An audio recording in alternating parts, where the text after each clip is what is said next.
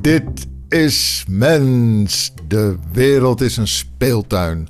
Lukraak en pijlsnel proberen wetenschappers en bedrijven al het denkbare uit. Ik denk dan, wat willen we eigenlijk? Wie willen wij worden? Hierover voer ik Sander Pleij gesprekken met schrijvers, kunstenaars, denkers, wetenschappers en de mensen die onze toekomst vormgeven. Vandaag hebben wij niet in de studio, want ze zit in een heel ander werelddeel, Jasmine Ostendorf. Een kunstenaar, designer die op een shiitake boerderij is gaan werken in Brazilië.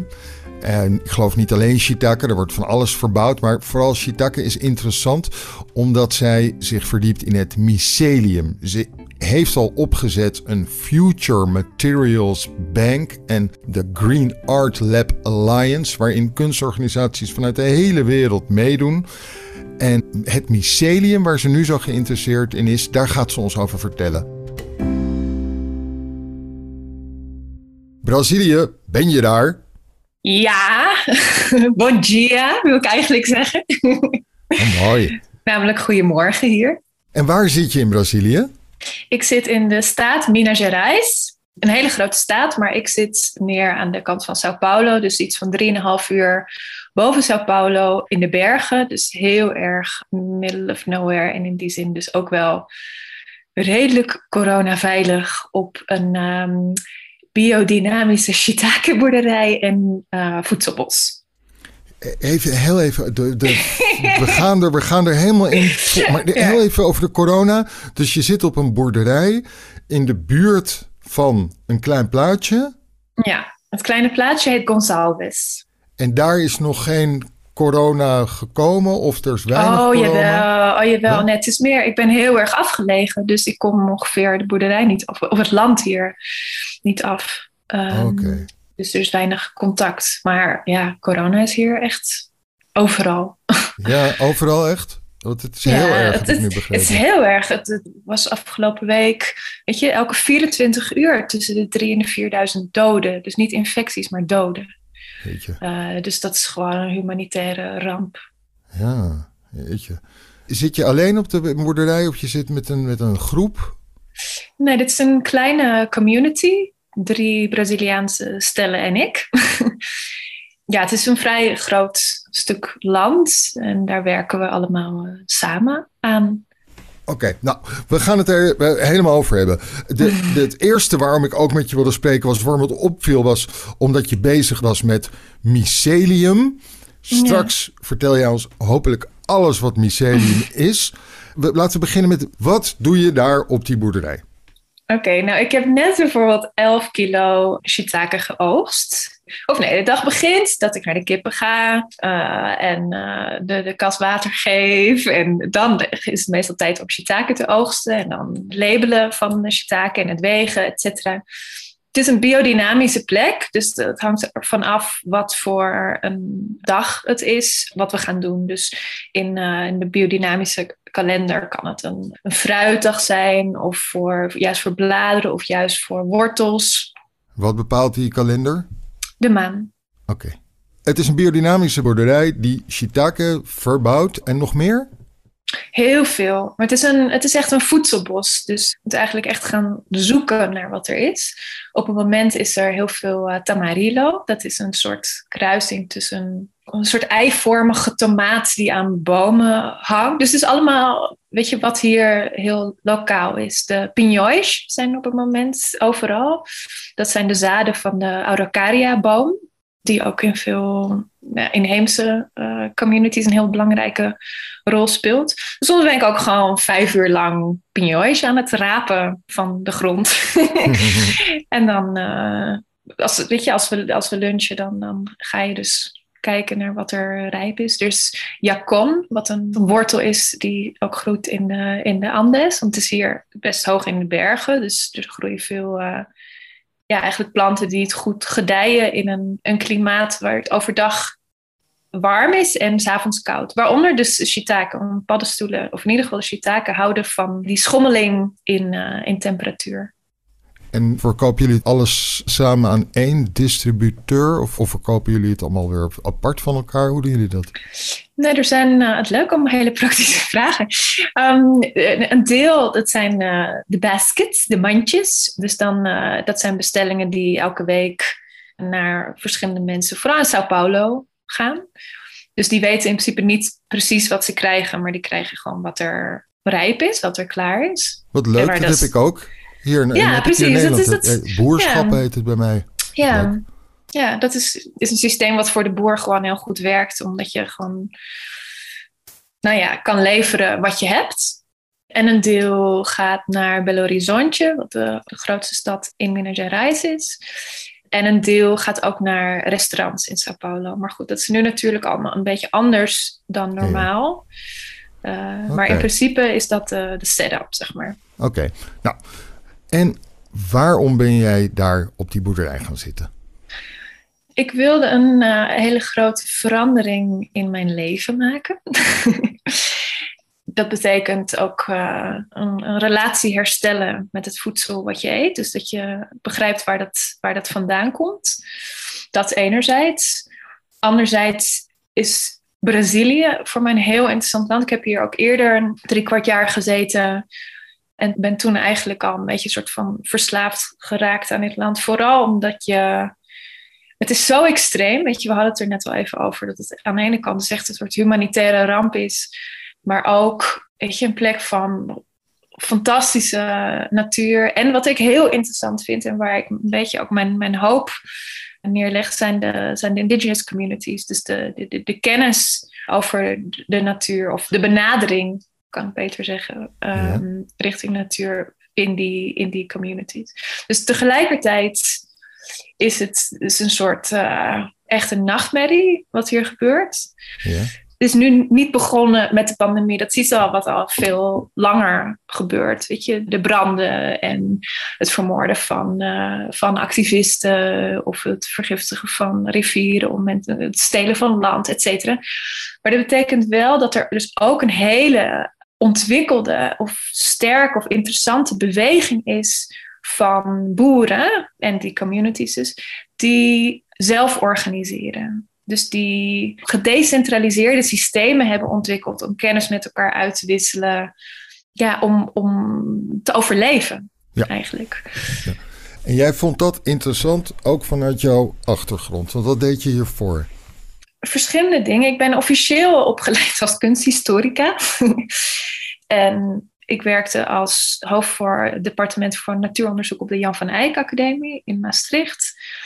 Uh, dus dat is een, echt een kunstinstelling in principe. En bijna tien jaar geleden heb ik een netwerk opgezet van uh, kunstorganisaties die zich met dit soort zaken bezighouden. Weet je? Dus de klimaat, notie van het antropoceen, materialiteit van de natuur. Um... De Green Lab Alliance? Ja, Green Art Lab Alliance, Gala. En dat zijn 45 organisaties van dit in Mongolië, in India, maar ook in Colombia, in Chili, in Zuid-Korea. Verspreid eigenlijk over Europa, Azië en, uh, en Latijns-Amerika.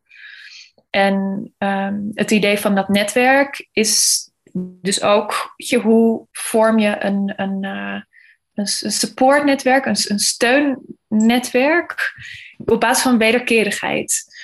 Dus hoe kan je kennis met elkaar uitwisselen, uh, resources met elkaar uitwisselen.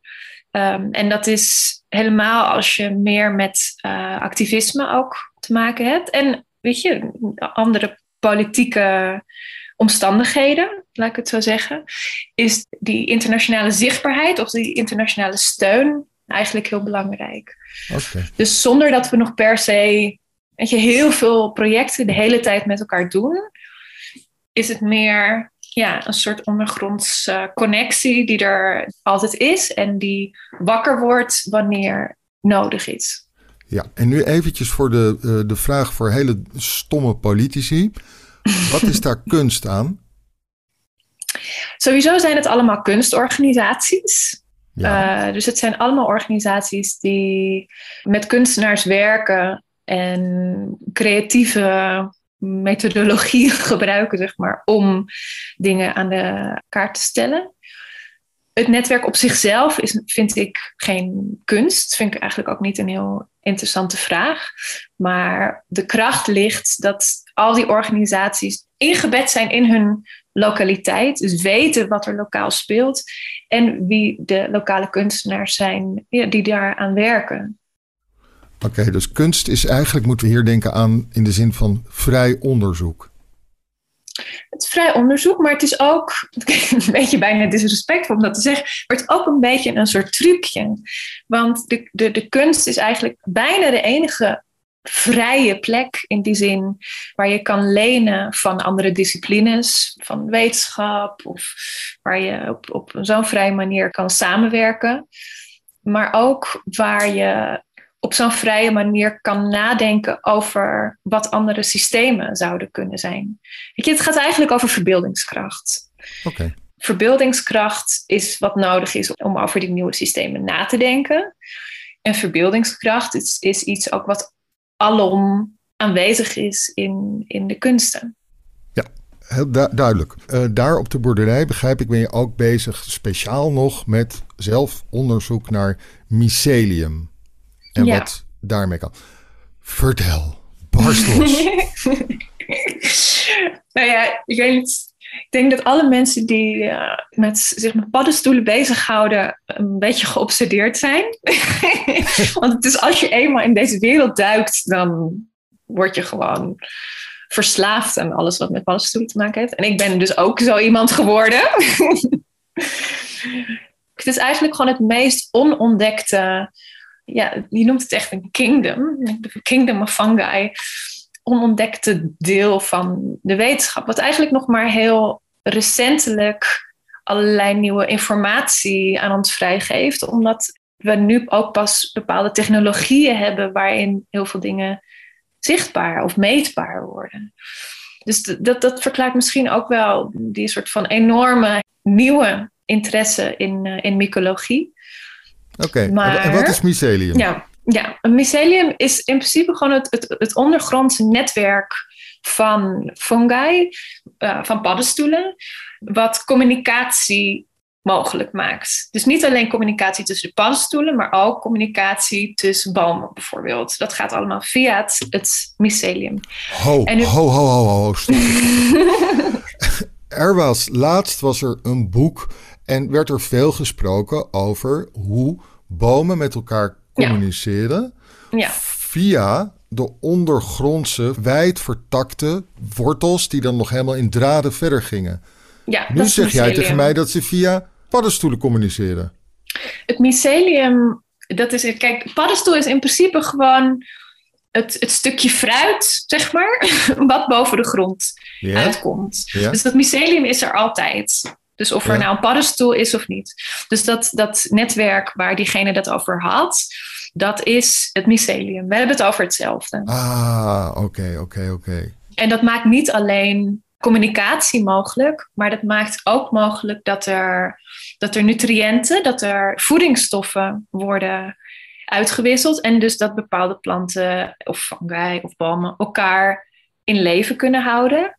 Uh, maar ook bijvoorbeeld kunnen waarschuwen. Uh, dus er wordt informatie in die zin ook uitgewisseld. Grappig dat het meteen, we komen meteen met, met taal, hè? Ja. Jij zegt, want dat zei, die, dat zei die man toen ook, weet ik, in, in, in krantenartikelen, dat bomen elkaar kunnen waarschuwen. Ja. En waarschuwen, dat is iets wat van wij weten, dat doen menselijke wezens, misschien ook wel sommige dieren. En om dat te transporteren naar een boom die een andere boom waarschuwt, denk je meteen aan een soort heel erg bewustzijn. Dat dan die boom een bewustzijn heeft en heeft gedacht van... oh jee, wat zielig voor mijn vriendje Erik. Ik moet Erik even roepen. Maar je ziet meteen de beperking van onze taal. en en jij ziet daar iets gebeuren met nieuwe technieken. En dat wat daar gebeurt, noemen wij dan maar waarschuwen omdat het lijkt op onze functie waarschuwen. Ja, ja en ja, ik denk dat je een heel interessant punt hier aanstipt. Wat ook een heel groot uh, probleem is in, in hoe wij de natuur begrijpen. En onszelf daar als los ook van zien. Is eigenlijk omdat onze taal een barrière is in dat begrip. Dus onze taal is niet ver genoeg ontwikkeld om dat in al de complexiteit te snappen. En dan is het weer interessant om terug te grijpen op die indigenous communities. Dat eigenlijk in heel veel van die inheemse talen er veel meer woorden zijn die veel preciezer duiden wat iets is of wat Oh, er aan de hand leuk. is. Dus bijvoorbeeld een mooi eh, voorbeeld uit een, een boek. Het heet Braiding Sweetgrass van Robin Wall Kimmerer. En zij is eh, Native American Potawatomi citizen, een Native American tribe. En zij schrijft, sowieso echt een prachtig boek wat iedereen moet lezen. Maar zij schrijft... Wat zegt de ehm, naam dan nog een keer? Braiding Sweetgrass. Oké. En zij spreekt op een gegeven moment over het woord. Ik weet niet of, trouwens, of ik het goed uitspreek, maar poepoe. En dat is dus een Potawatomi woord voor de kracht die de paddenstoel heeft om zichzelf, nou ja, dus die met een enorme kracht omhoog te duwen, eigenlijk. Mhm. Want de, de snelheid eigenlijk, dat zie ik ook hier. Weet je? Ik, soms heb ik me omgedraaid, dan heb ik een shiitake geharvest. Of denk ik, oh nee, die is nog niet klaar. Dan heb ik me omgedraaid en denk ik, die is wel klaar. Die was net nog niet klaar. dus daar zit een soort een versnelling in de tijd of een soort rare kronkel in de tijd. Ja, die ik heel fascinerend vind. En waar we dus in wetenschap geen woorden voor, in onze wetenschap geen woorden voor Er hebben. was natuurlijk een eentje die had gewaarschuwd tegen de ander van... hé, hey, daar is die Ze komt eraan! Ja, ze komt ons weer rapen. Je moet snel klaar Ja. zijn. Ja, ja, ja, dat zou leuk zijn. Dus we, we hebben dat netwerk. En Ja. jij bestudeert dat. Waarom doe je dat? Wat, wat, wat is daar zo... Trek jou er Nou zo ja, ik denk, ik denk dat we dus heel veel. Ik ben dus al een aantal jaren met netwerken bezig, maar menselijke netwerken. Ja. En ik zie het belang daarvan. En ik denk in deze tijden waarin precariteit alleen nog maar meer wordt, dat het belang van die netwerken ook alleen nog maar meer wordt. En wat interessant is, is als je naar Fungi kijkt, is dat eigenlijk in tijden van crisis, dat, zijn, betekent mogelijkheden voor fungi. Want dat betekent dat er toenemende symbiosis is. Dus er is een toenemende wederzijdse afhankelijkheid. En daarom denk ik dat er een heel interessante les in zit om wij als menselijke netwerken om te kijken wat we kunnen leren van het mycelium. En dat is natuurlijk op een bepaalde. Het is een vorm van wat we biomimicry noemen. Dus een nabootsing van de natuur. Maar dat gebeurt vooral op het gebied van objecten. Over het algemeen. Weet je, dus we kijken naar, ik zeg maar wat, de, de vleugels van een vogel om een vliegtuig te bouwen. Dus naar objectontwerp. Maar we kijken eigenlijk heel weinig naar system design, naar, systeemontwerp in de natuur. En ik denk dat daar gewoon heel interessante, ja, interessante lessen liggen. Nou, ko- kom op, kom op. Want je hebt verteld, dus je- je weet nu hoe dat werkt, dus zo'n netwerk. En heb je al ideeën over hoe je dat kijken naar het mycelium kan gebruiken op andere manieren? Hoe wij het kunnen gebruiken? Ja, nee, ik ben nog uh, aan het begin van mijn, mijn onderzoek. Dus ik ben pas net begonnen met mijn cursus mycologie, uh, de paddenstoelenkunde, zeg maar. Ik hoop daar over een tijdje wel iets meer over te kunnen zeggen. Maar wat ik bijvoorbeeld heel interessant vind, is om te kijken naar besluitvormingsprocessen. Weet je, helemaal als je in een internationale context werkt, zoals ik doe, ben je gedwongen ook natuurlijk om na te denken over, of meer dan na te denken, maar je te verhouden tot kolonialiteit en de, de, de ongoing legacy van, van kolonialiteit. En in die samenwerking. Wow, die zag ik even niet aankomen bij de paddenstoelwortels. Maar ga verder. Nee, maar het is, ja, voor mij is het een hele, hele logische. Het, gaat, het, zijn twee, het zijn twee verschillende netwerken. Als je kijkt hoe de, de, de, beslissingen zeg maar, worden gemaakt in het mycelium. Ja. Van wat in leven wordt gehouden. Ja. En welke nutriënten waar naartoe gaan. Ja. Ik denk dat dat heel interessant is. Omdat, nou ja, mijn aanname is dat het mycelium niet racistisch is. je, mijn aanname is dat mycelium niet een koloniaal verleden met zich meebrengt, wat uh, informeert wat voor keuzes er worden gemaakt. Weet je dat de hiërarchieën heel anders liggen. Aha, aha, aha. Dus jij denkt dat het eigenlijk ben je, denk je dan een beetje als Walter Benjamin, die zei: de geschiedenis van de beschaving is dezelfde als de geschiedenis van het barbarisme. Ehm, en dat de natuur niet een soort barbaarse iets in zich heeft. Want ik zou denken altijd, ja, de natuur is nog, nog gruwelijker dan de mens. Um, ja en nee. Er gebeuren natuurlijk heel erg gruwelijke dingen uh, in de natuur. En iedereen eet elkaar op. En, en dat is er aan de ene kant. Maar ik denk als we willen leren hoe we ons kunnen organiseren, dat daar hele interessante les in zit. Want de, de resilience, de, de, veer, de veerkracht eigenlijk van de natuur is enorm. En eigenlijk waar wij ons nu in deze tijden zorgen om maken, althans waar ik mij meer zorgen om maak, is niet zozeer dat het het einde van de natuur is, maar het gaat meer over het einde van de mensheid. Die natuur, die redt zich wel.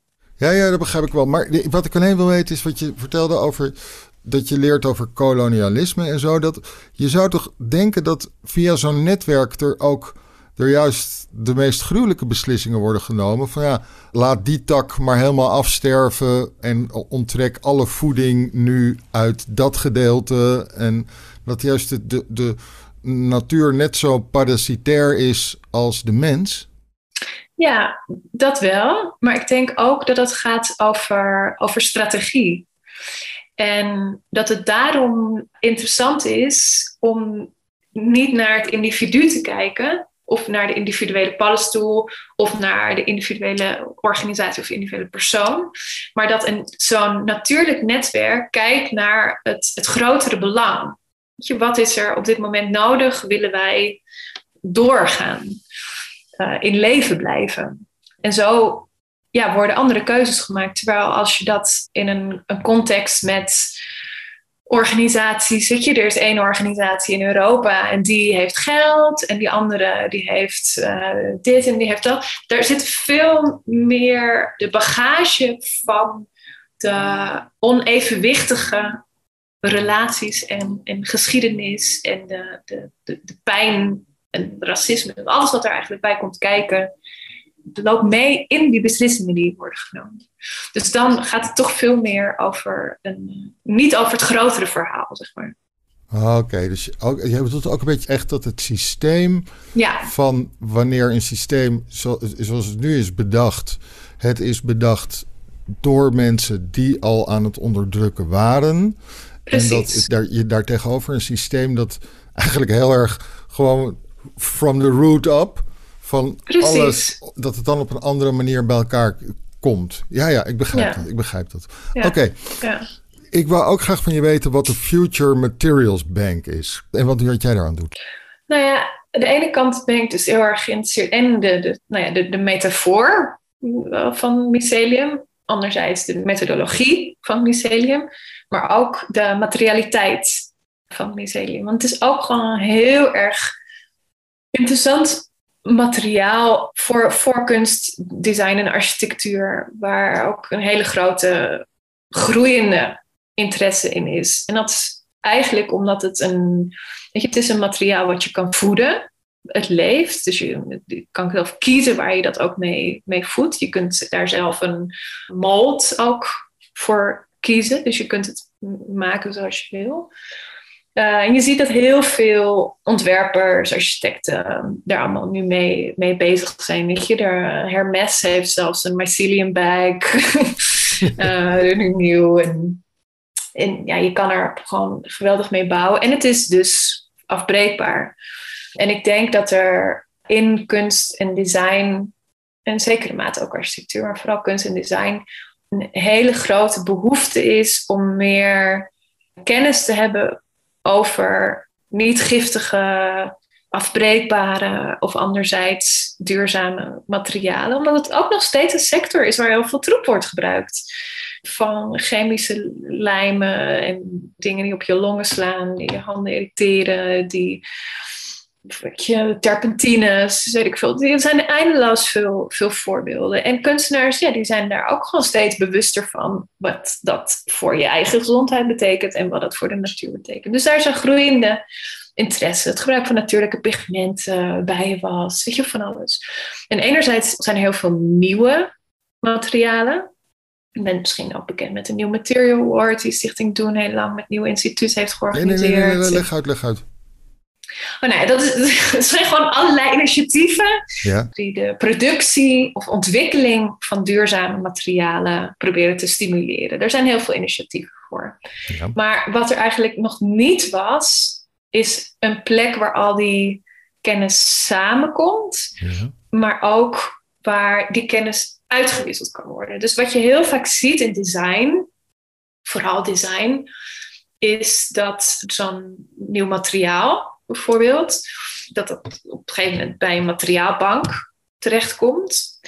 Maar dat het idee daarvan altijd gaat over opschaling. Of weet je, over dat het moet een, een commercieel product worden. Of dat uh, moet een patent op worden aangevraagd. En vanaf dat moment stopt eigenlijk de kennisuitwisseling. Vanaf dat moment wordt dat eigendom van iemand of wordt dat een, een, een product.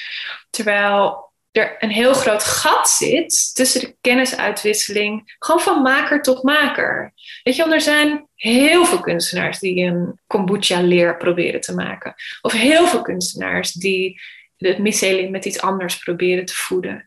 Maar ja, het, het, platform waar die elkaar allemaal vinden, dat ontbrak eigenlijk in, als, als materiaalbank. Dus dat was een beetje het, het begin van het idee om een, om een Future Materials Bank op te zetten, is om een platform te hebben waar al die nou ja, duurzame, afbreekbare, niet giftige, et cetera, materialen voor kunstenaars en ontwerpers elkaar konden vinden. En waar je dus ook recepten kan delen, waar je kennis kan uitwisselen met elkaar. En ook gewoon heel praktisch als jij op zoek bent naar een materiaal om, uh, nou, ik veel, sculptuur mee te maken, omdat je wel klaar bent met je resin, dan kan je daar je inspiratie vinden. Ja, maar je kan ook, als jij dan eenmaal iets gedaan hebt, het project daar ook weer opzetten. Dus dat andere mensen er ook weer van kunnen leren. Ja, mensen kunnen ook naar kijken. Want ik, ik heb erop zitten, zitten kijken en zoeken. En het is ontzettend leuk. De, de futurematerialbank.com. En je kan dus echt wat, wat voor nieuwe materiaal er zijn gekomen uit koffie waste en weet ik veel wat allemaal. En natuurlijk gewoon plastic, uh, nieuwe vormen en zelfs mosselschelpen. Het is echt enig om te zien wat er allemaal wordt, wordt gemaakt. En inderdaad, als je creatiever bent met je handen dan ik, dan kun je volgens mij de meest waanzinnige dingen hieruit gebruiken. Ik wil nog eventjes terug naar wat je vertelde over dat netwerk. Want je bedoelt gewoon uh, of systeemverandering ook daardoor geïnspireerd kan raken. En of er daar van alles uitkomt. Ja. En dan hoop ik dat je ook hoop hebt. Want als ik denk aan hoe je netwerken anders kan uh, organiseren, dan kom ik altijd meteen bij de grotere problemen die we nu hebben met de democratie. En moest ik aan jou erg denken, omdat jij net in Brazilië zit. En een, een, vriend van mij die uit Brazilië komt, die vertelde, uh, die was bij zijn familie ergens uh, zeer op het platteland geweest. En die zei, ja, die hebben allemaal Bolsonaro gestemd. En mm. ik zei van, maar, maar waarom dan? Toen zei hij, nou, gewoon omdat de dominee dat zei. Die mensen hebben echt geen idee. Dat is mijn familie, die weten helemaal niks van hoe het in de politiek werkt. Die krijgen van de dominee krijgen ze een filmpje op hun uh, telefoon te zien. En die moeten daarop stemmen, zegt hij. En dat, uh, die geloven dat meteen allemaal. Het, het, idee dat de democratie gekaapt kan worden door nepnieuws, foute informatie, uh, mensen die dingen voorspiegelen, demagogen. Zou zo'n netwerk geïnspireerd door dat mycelium daar op de een of andere manier iets aan kunnen doen? Mm. Nee, ik denk wat heel belangrijk is om te beseffen en wat gewoon ook voor mij dagelijks weer duidelijker wordt, is hoezeer klimaatrechtvaardigheid of duurzaamheid verbonden is met eh, sociale rechtvaardigheid. Dus het gaat eigenlijk allemaal over toegang tot kennis, toegang tot informatie, toegang tot resources, toegang tot bepaalde infrastructuur. Weet je, we, we kunnen wel heel leuk zeggen, ja, we moeten allemaal recyclen. Maar goed, als er geen infrastructuur is die ook maar iets op komt halen of die iets verwerkt, ja, doe je best maar met recyclen. Of als je zegt, we moeten allemaal uh, biologische groenten eten en je moet het vervolgens wassen met uraniumwater, ja, good luck met je organic food, weet je. En inderdaad, als jij geen toegang hebt of tot internet of uh, niet kan lezen of iemand jou zegt wat je moet stemmen, ja, dan, dan gebeurt dat ook op die manier. En dat is niet, ik denk dus ook dat we de, de druk in die zin van het individu een beetje af moeten halen en dus heel erg naar, ik herhaal mezelf een beetje, maar naar dus die systemen moeten kijken. Wat ik een interessant voorbeeld ook vind, is als je kijkt naar een beweging van natuurbehoud, bijvoorbeeld, dat gaat over conserveren van natuur en een soort van de kaastop eroverheen zetten en we mogen er niet meer aankomen, want, want we maken het allemaal kapot. Dat is een totaal westerse gedachte als het idee van de natuur, dat is iets daar waar we niet aankomen. Als jij woont in dat bos, als dat jouw livelihood is, als je daar, weet je, jouw families daar al tienduizenden jaren wonen, dan is dat niet iets wat je onaangeraakt laat, of moet laten zelfs. Dus ik denk dat er daar een heel erg grote verandering nodig is. Ook het idee van alleen maar de mens als de destructor van alles, ongeveer. Maar dat er ook een hele mooie rol eigenlijk voor ons is weggelegd als, als caretaker in die zin. Weet je, als, met het creëren van biodiversiteit. En nogmaals, dat is ook weer heel mooi in dat boek wat ik zei, Braiding Sweetgrass. Heeft zij het er ook eigenlijk erover dat die plant, die sweetgrass, beter gedijt in samen zijn van mensen, omdat er dan in ieder geval op een bepaalde manier geoogst wordt, omdat het wordt gebruikt, zodat de nieuwe sprouts zeg maar weer op kunnen komen. Dus ik denk ook dat dat narratief van wat onze rol kan zijn, en op een bepaalde manier, dus ook zo met de Future Materials Bank, weet je, laten zien van wat voor mooie dingen er allemaal ook wel kunnen dat dat heel belangrijk is. En dat we een beetje weg moeten van, oh, we mogen niet, we mogen geen vlees eten, we mogen niet meer vliegen en we mogen dit niet meer. Ja, dan heeft, heeft niemand zin maar, om echt te gaan veranderen. Ik begrijp het nog niet helemaal. Want als ik denk aan dat mycelium, dan denk ik dat je mee bedoeld wordt dat alles met elkaar verbonden kan zijn en er geen centraal gelegen beslissing wordt genomen. Mhm.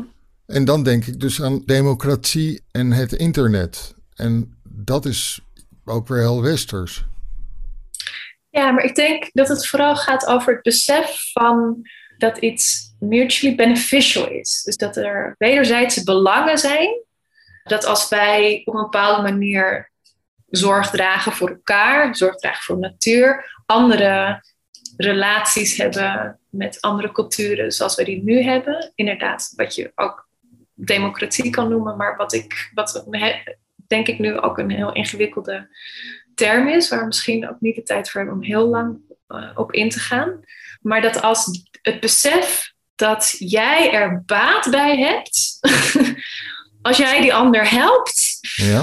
ligt daar eigenlijk aan de basis van. En die ander, dat hoeft niet per se de andere persoon te zijn, maar dat kan ook een niet-menselijke actor, zeg maar, in jouw omgeving zijn. En daar hebben jullie beide baat aan. En dat is eigenlijk wat het mycelium ons leert. Oké, wat hoop je dat je over een paar jaar, waar je dan mee komt? Hoe, hoe, hier, ja, hoe je hiermee verder bent gekomen? Oh, Sander, ik weet niet eens wat ik morgen doe. nou, wel, dan moet je op de biologisch dynamische kalender kijken. Ja, ja, nee, dat, we moeten sowieso op de biologische dynamische kalender kijken. Ik hoop dat ik dat over, over een paar jaar ook nog steeds doe. Je vraag is wat ik dan hoop te doen. Ja, nou ja, wat je hoopt hier, hier uitgehaald te hebben nog meer. Dus nu heb je al een, je hebt een aanname. Ja. En hoe hoop je hoe dit je verder heeft gebracht? Nou ja, eigenlijk ons verder heeft gebracht. Of Ja, precies. Ik ben dus eigenlijk helemaal niet zo geïnteresseerd in het verder brengen van mezelf als individu. Daarom wilde ik ook met heel veel dingen breken, zoals een, het hebben van een carrière, of het hebben van een huis, of het hebben van spullen. Weet je, dat heb ik allemaal achtergelaten in principe. En ja, ik heb alleen maar hoop dat dat besef gewoon groeit. Want ja, in die zin ben ik wel weer heel uh, pessimistisch. Dat ik echt denk dat we aan de vooravond staan van de grote collapse. ja. ja. ja. Nou, laten we daar dan mee eindigen. Ja, lekker positief noot. um, ik heb ontzettend uh, leuk vond ik het om te kijken op de futurematerialsbank.com. Daar is het heel leuk om te zien al die, die, die materialen die daar staan. Op het Mycelium-like network. Ik wil daar nog verder over nadenken en naar gaan kijken.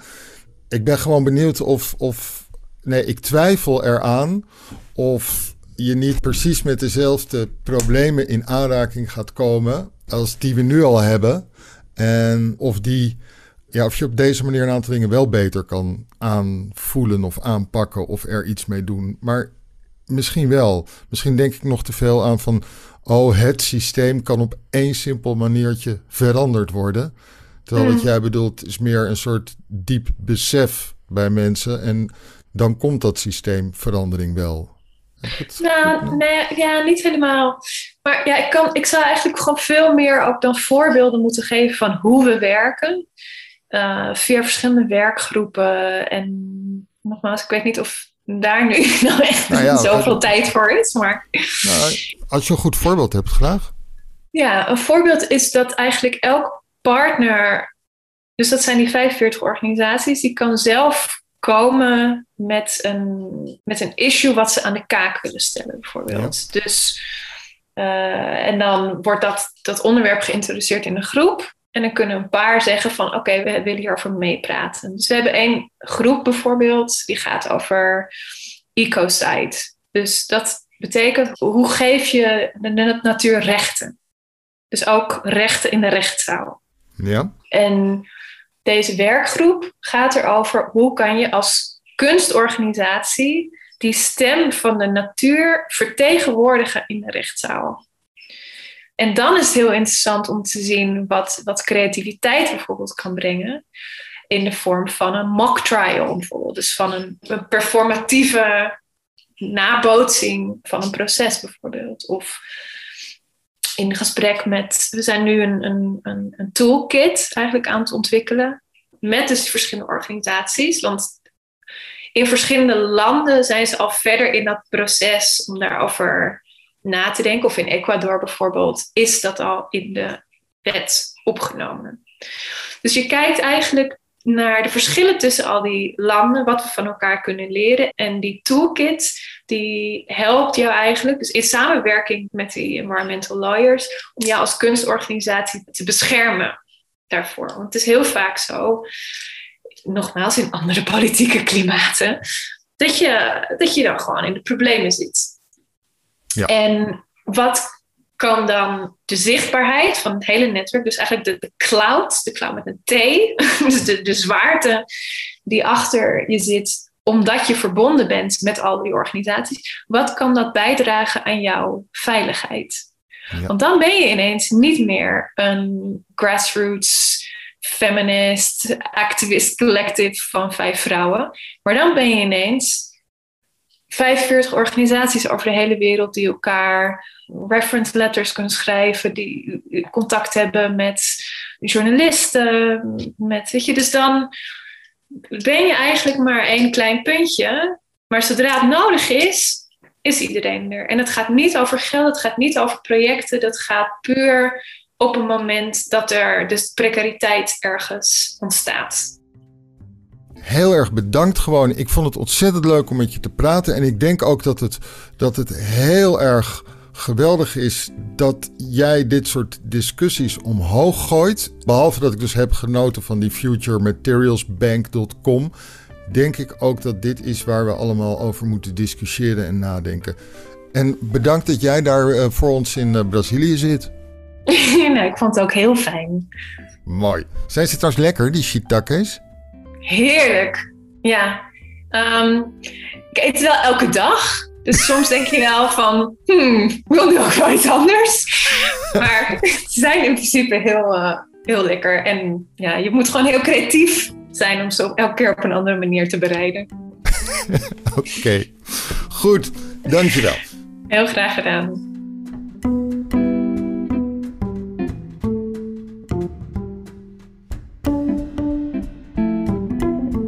Dit was Mens met in deze aflevering Jasmine Ostendorf, die bezig is aan het boek Mycelium as Methodology. Mens wordt gemaakt door mij, Sander Pleij en Hans Poel voor Vrij Nederland. Je kan je abonneren op deze podcast in je favoriete podcast-app. Dan verschijnt daar als vanzelf elke twee weken een nieuwe aflevering van ons. Ook help je ons door een beoordeling of een review op Mens te geven in je favoriete podcast-app. Dan weten meer mensen de gesprekken van Mens te vinden. Voor onze trouwe luisteraars hebben we ook een speciale aanbieding. Een half jaar Vrij Nederland online voor maar 15 euro. Kijk voor die aanbieding op vn.nl slash podcast. vn.nl schuinstreepje podcast. Bedankt voor het luisteren en tot de volgende mens.